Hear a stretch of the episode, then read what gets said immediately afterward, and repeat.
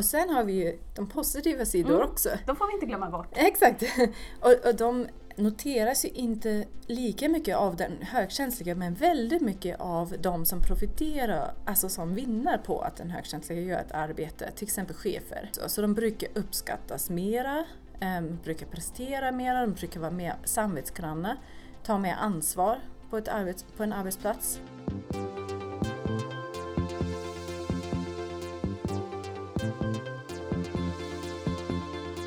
Du lyssnar på HSP-podden med Leveby och Klar.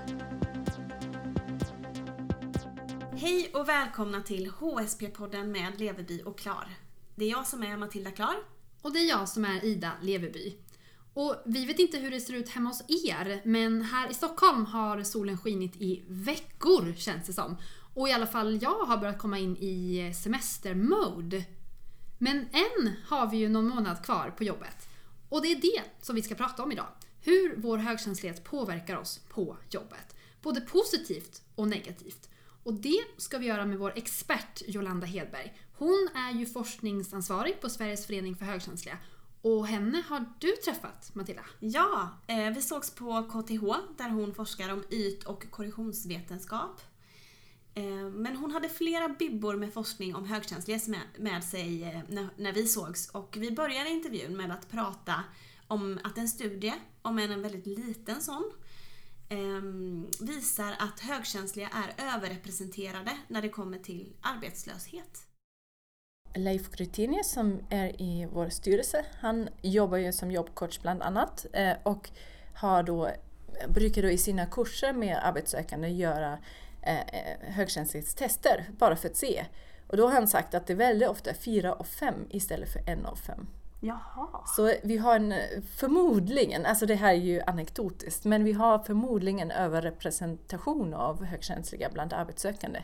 Okej. Så det är ju eh, det är inte helt oväntat för vi har ju också en överrepresentation bland stressrelaterade sjukdomar. Och det brukar ju vara de som är överrepresenterade bland långtidsarbetssökande. Eh, eller, ja. så, Mm. så det är inte helt oväntat men ehm, jag har inte sett någon annan forskning om det. Eller, ja. Nej. Mm. Utan det är Leifs forskning, eh, Exakt. mi- ministudie ja, man kan exakt. ändå... Erfarenhet kan man säga. Ja. Ja. Mm. Så det ehm, är då väldigt relevant för Mm. arbetssökande men det är också väldigt relevant för alla som är i arbete för att de dagligen försöker lösa olika problem som är specifikt för just högkänsliga. Vi kommer in i det lite. Mm. Och sen är det ju väldigt relevant för management som eh, behöver till exempel bestämma om vilken typ av eh, omorganisation man ska göra eller hur man ska få bra kompetens eller om man ska ut, eh, ja, em, hur man ska utveckla olika företag eller vilken typ av utveckling man gör för sina medarbetare och även för dem är det extremt viktigt. Det här. Så det finns ju en del forskning, vi kommer att prata om det. Mm. Men vi kanske kan börja med grunderna, vad högkänslighet innebär för arbete. Ska Det vi göra det? Ja. Så det är ju um, Alltså högkänsliga, det betyder att man lägger lite mer märke till sin omgivning och att man eh, bearbetar tankar och känslor och detaljer i sin omgivning eh, mycket mer. Eh, och på så sätt upptäcka mer och analysera mer kan man säga. Mm. Så det är själva grunden och som en liten baksida så blir man också lättare överstimulerad av stimuli eller högt, eh, högljud och ja, Mm. sånt. Så det är där kruxet kommer in. Bland När annat, exakt. Och dessutom är det en till viktig del är empati. Man har ju mycket förhöjd aktivitet i hjärnan när det gäller de empatiska delarna av spegelneuroner och kunna avläsa andras känslor och kunna analysera andras känslor och sinnesstämning och allting. Eh, Och det är ju extremt viktigt. Så har man en dålig arbetsatmosfär så brukar det påverka högkänsliga betydligt mer. Mm. Och det, det är en av de stora källorna till till exempel utbrändhet brukar alltid vara konflikter med kollegor. Okej. Eller chefer. Eller ja, vem man nu har att göra med. Så, så det är en väldigt viktig del. Det handlar inte bara om stimuli och om eh, att man har för mycket att göra eller, eller för eh, gör saker som man inte tycker är meningsfulla. Utan det handlar inte sällan om konflikter. Mm. Och då kan det vara um, underliggande konflikter, dåliga sinnesstämningar, dålig, dålig, lång, ja, konflikter som har funnits länge på en arbetsplats och så. Mm. Kan det vara inte bara den enskildas, den högkänsligas konflikter utan även Nej, nej, andra nej, exakt. konflikter? Eh, som- Det är det jag menar. Ja, Mm. det I hela gruppen. Så den högkänsliga brukar känna av allas Mm. konflikter. Så det, eller problem. Så, så det kan finnas, ah, någon har blivit befordrat men inte någon annan och så blir den andra jättesur i Mm. jättemånga år. Mm. Och så, så ligger det till grunden. Och trots att den högkänsliga har ingen aning kanske om vad som var orsaken till detta så kommer den känna av att någonting inte stämmer och så börjar den fundera och grubbla. Och, ja. Mm. Så ja, det är lite det. Mm. Ehm, så vi kom lite in i att det finns olika typer av arbetsmiljöer för den högkänsliga och för alla andra. Mm. Eh, den ena är ehm, eh, den psykosociala då, som handlar till exempel om just konflikter och hur man ehm, orättvisor brukar vara väldigt tuffa för Mm. alla men eh, för högkänsliga speciellt. Som har speciella eh, antenner kan man säga. Så fort det är någonting som är orättvist eller ojämnt eller inte eh, eller diskriminerande eller någonting så, så brukar de känna av det och fundera på det i alla fall. Och det tar ju energi och tid. Mm. Ehm, så det påverkar arbetet helt enkelt. Ja. Och sen så har man eh, den fysiska miljön också i ett arbete. Och det kan vara eh, öppna kontorslandskap som har för mycket ljud. Ehm, det kan vara att man blir avbruten hela tiden.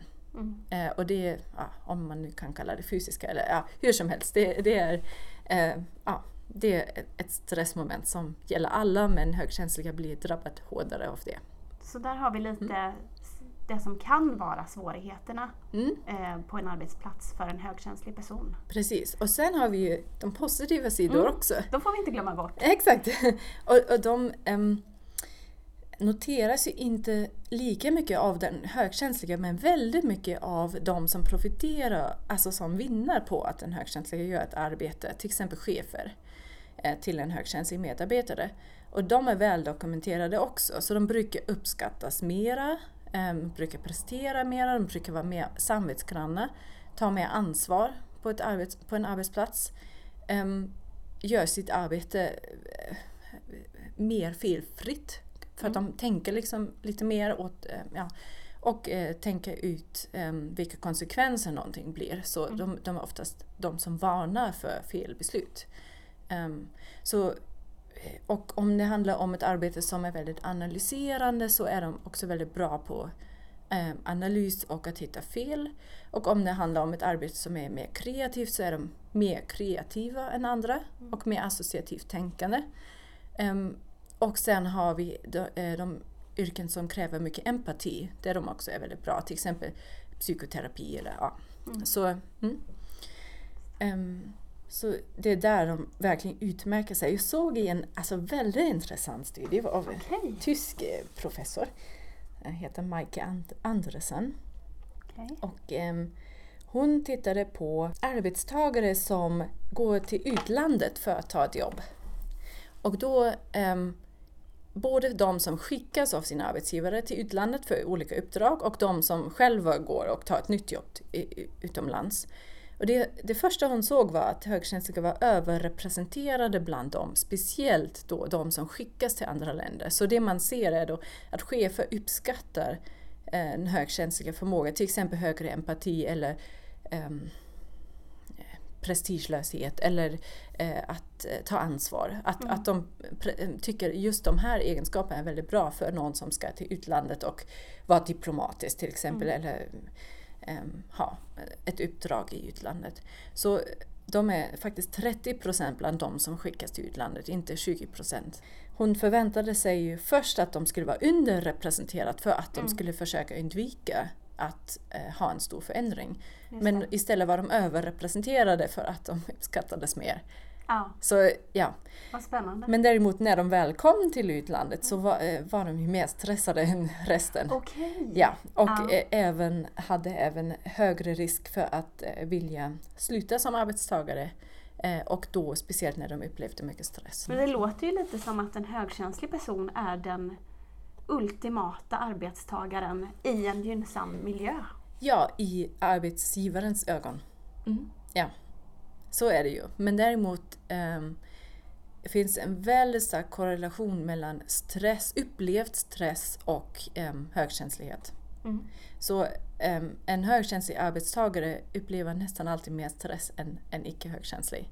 Och det är um, relaterat till fysiska miljön, psykosociala, väldigt ofta till konflikter och till att man känner att man inte um, har tillräckligt med inflytande. Mm. Så det är de aspekterna. Mm. Mm. Ska vi gå in på lite vad man kan göra åt det om man Mm. hamnar i en sån Mm. situation? Och framför allt, alltså det finns två saker som nämns alltid. Om den um, högkänsliga lär sig känna vad högkänslighet innebär så vinner den jättemycket. Mm. För att vanligtvis så har mm, högt presterande arbetstagare har em, en viss bild av sig själv. Och oftast är de där em, att man kanske får huvudvärk eller att man em, känner sig stressad och så. Det passar inte riktigt in i den bilden man vill vara. Nej. Och då tränger man bort det. Men om man ka- kan lära sig att det här hänger faktiskt ihop. Jag presterar så bra eftersom jag är högkänslig. Mm. Och högkänslighet innebär att jag måste vila ibland. Mm. Eh, Då kan man ju acceptera det på, ett, på en helt annan plan. Mm. Eh, Så det kan man göra Ja. själv. Ja, exakt. Mm. Den insikten kan leda, Ja, kan göra mycket ja. skillnad. Det finns en väldigt bra studie på lärare och deras utbrändhetsrisker. Och där har man sett i själva studien att så fort de lärde sig vad högkänslig innebär så, så ändrade de hela sin strategi. Okej. Så, och och eh, faktiskt fick mycket lägre risk för utbrändhet. Så där kan man verkligen göra jättemycket.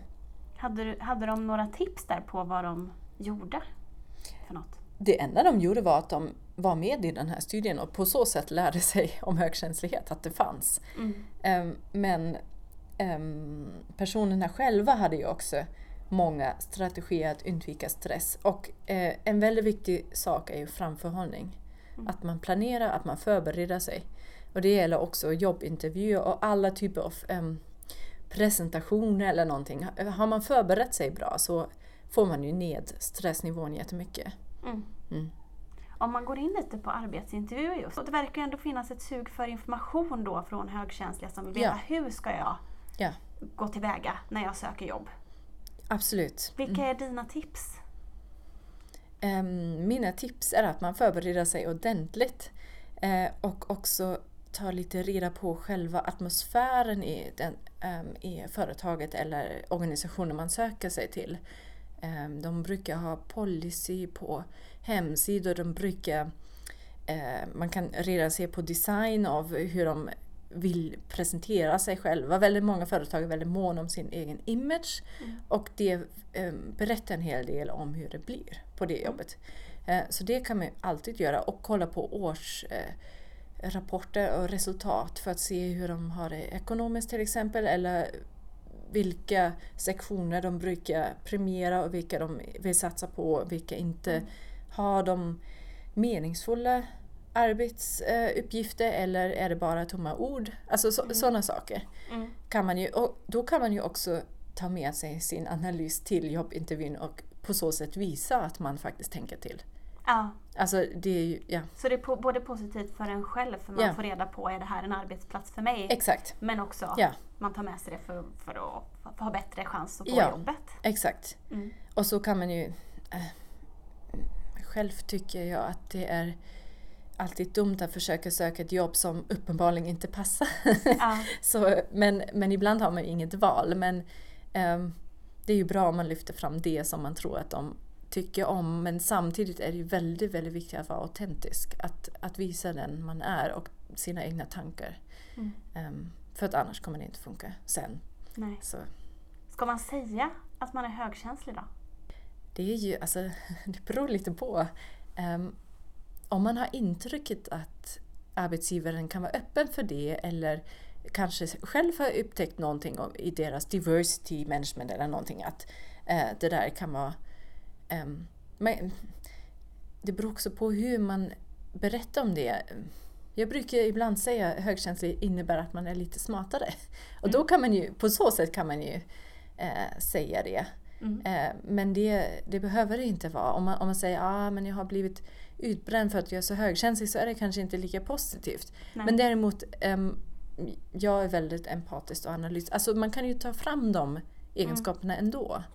Ehm, Man behöver inte säga heller att nej. hej jag är högkänslig. Utan Men däremot kan man ju gärna säga att man, att man engagerar sig för att alla mår bra till exempel.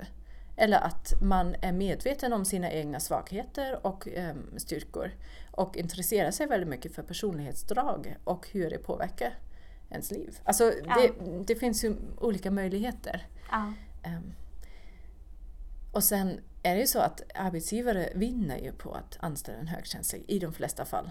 Mm. Det, det är väl dokumenterat. Mm. Eh, Så om man på så sätt visar det så kan, man ju, så kan det vara väldigt positivt att nämna det. Mm. Ja. Just det. Men ändå är det så många högkänsliga som är utbrända. Ja, och ehm, det verkar också så som de byter jobb lite oftare. Så, så det verkar vara det som... eh, Mm. Det är lite den där paradoxen att arbetsgivaren vinner så himla mycket på en högkänslig men- den högkänsliga arbetaren känner sig sämre än sina kollegor. Mm. Så det är någonstans där det, det, inte går ihop. Vad tror du att det beror på? Ehm,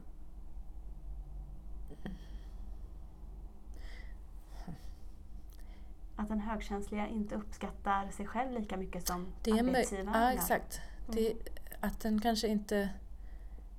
Um, man har sett att den här eh, tron på den egen inflytande och egen förmåga är så himla viktig. Och det kanske hänger ihop med det.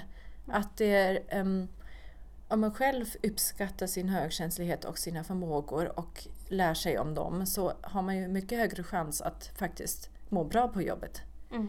Ehm, Men om man själv bara ser de negativa sidorna, att man till exempel har större behov av återhämtning och inte klarade av senaste mingeln och inte klarade av konferensen och samtidigt har väldigt hög känsla för stort ansvarstagande och ehm, att rädda hela tiden alla möjliga projekt och andras eh, kollegors Mm. känslor, Mm. eh, då går man ju sönder.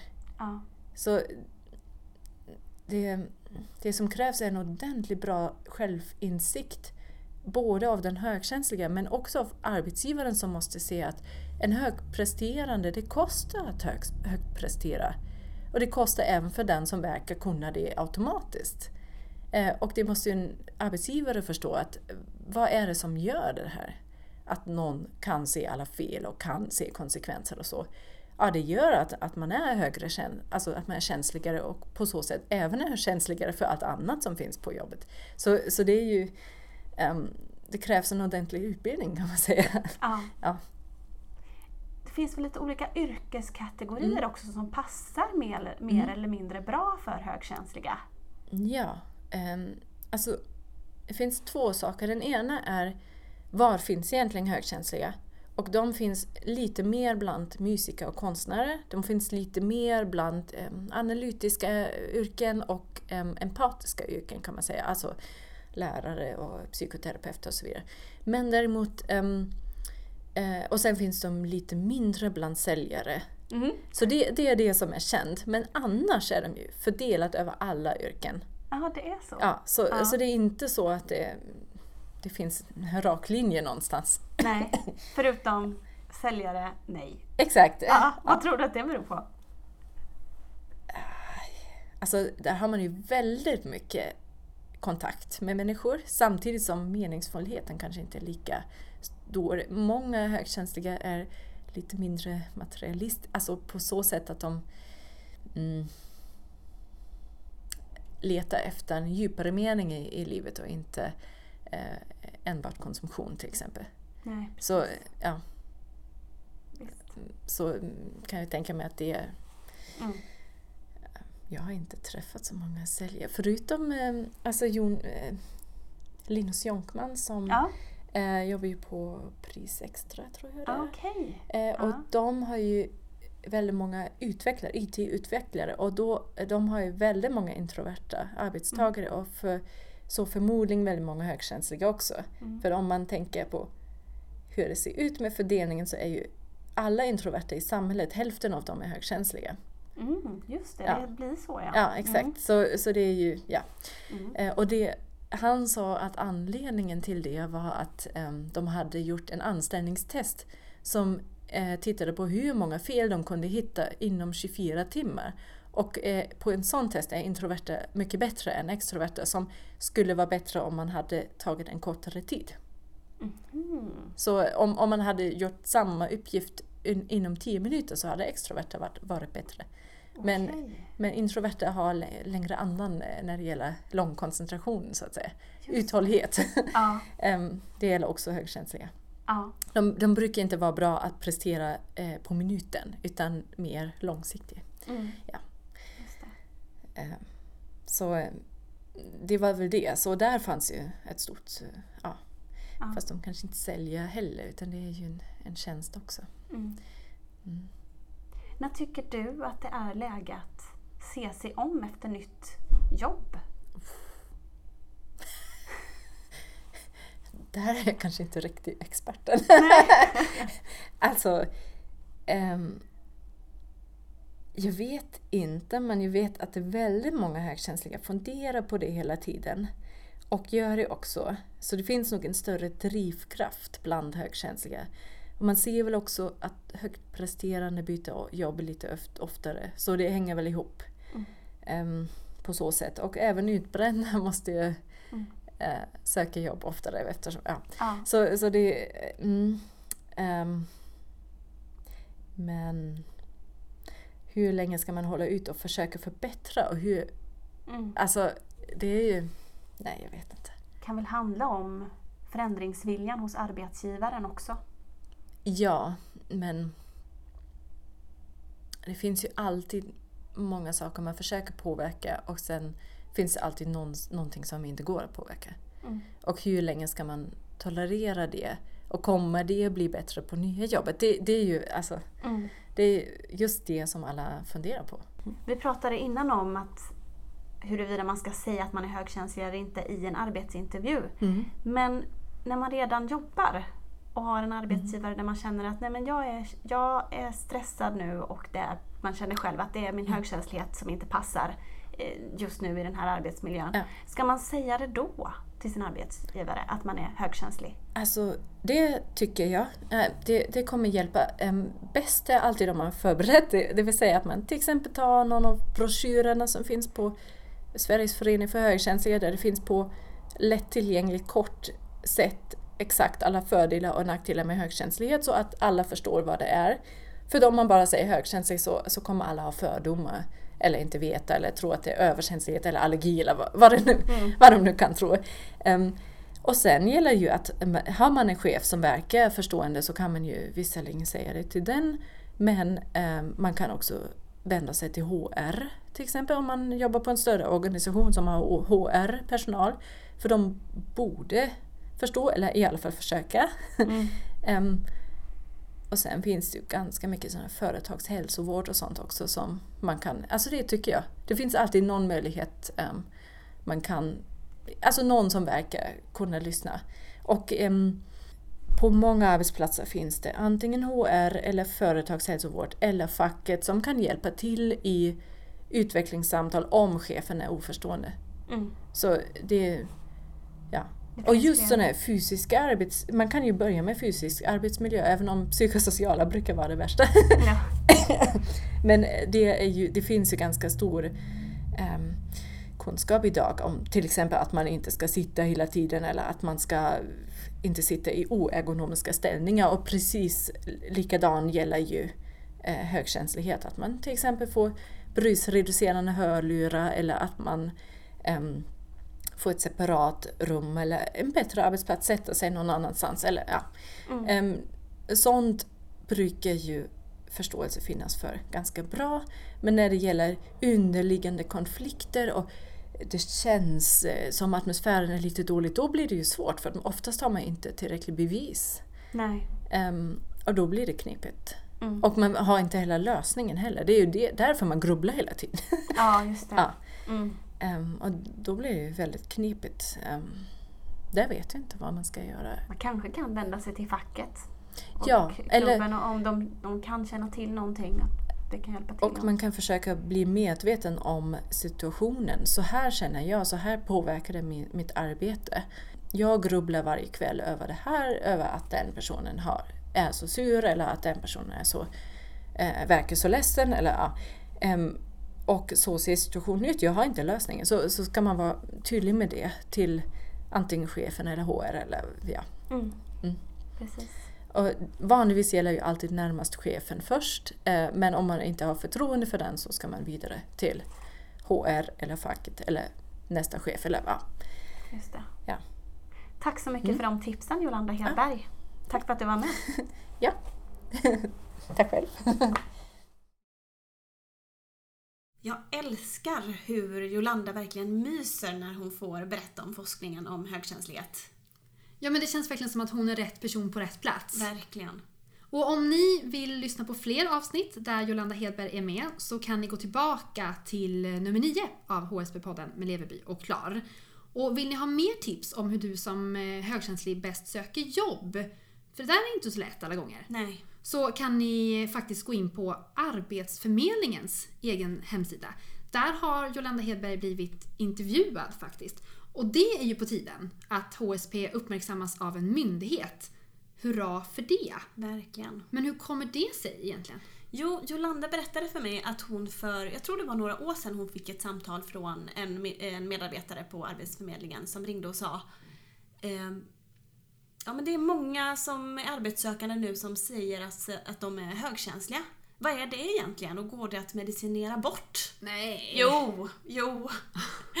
Så det, där, det Välkommen till började. 2000-talet! Ja, för jag trodde nästan att det kanske var någon högkänslig medarbetare Mm. på Arbetsförmedlingen som hade hört av sig. Men så var inte fallet, utan det är så pass många högkänsliga som uttrycker ett önskemål om eh, fler verktyg för att de är just högkänsliga Mm. när de ska söka jobb. Det är därför som den här artikeln finns där nu.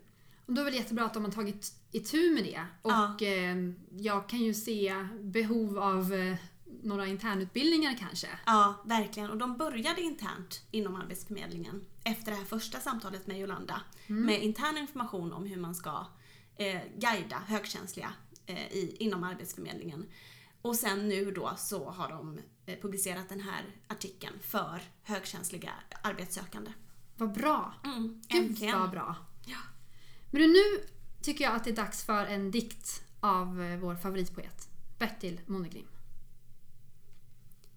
Det är snart mors dag och vad ska man ge till henne? Det viktigaste är att du kommer själv, för det är dig hon vill rå om en stund och dela sina tankar med. Kärleken går över alla gränser och frusna relationer ska tinas upp och bli som ett värmeskåp igen. Min mamma torkade mina tårar när jag var ledsen. För hennes hjärta var så varmt och stort. Alla med en mor i livet, öppna din dörr och glänta på kärlekens värme som finns överallt för att läka och ge ut glädje och tacksamhet. Mamma, om du lyssnar, det kommer ett kort på posten. Följ oss gärna på Instagram, där heter vi HSP Leverby Klar. På Facebook hittar du oss under namnet HSP-podden med Leverby och Klar. Och så har vi en hemsida också, alltomhögkänslighet.se. Där hittar du fler artiklar i ämnet, men också länk till eh, artikeln med Jolanda Hedberg. Absolut. Och glöm inte att prenumerera på oss i iTunes eller Acast eller där du nu lyssnar på vår podd. Eh, och betygsätt oss gärna i iTunes så kan vi sprida kunskapen om högkänslighet vidare. Nu säger vi hej för det här avsnittet. Tack för att ni har lyssnat. Hej då!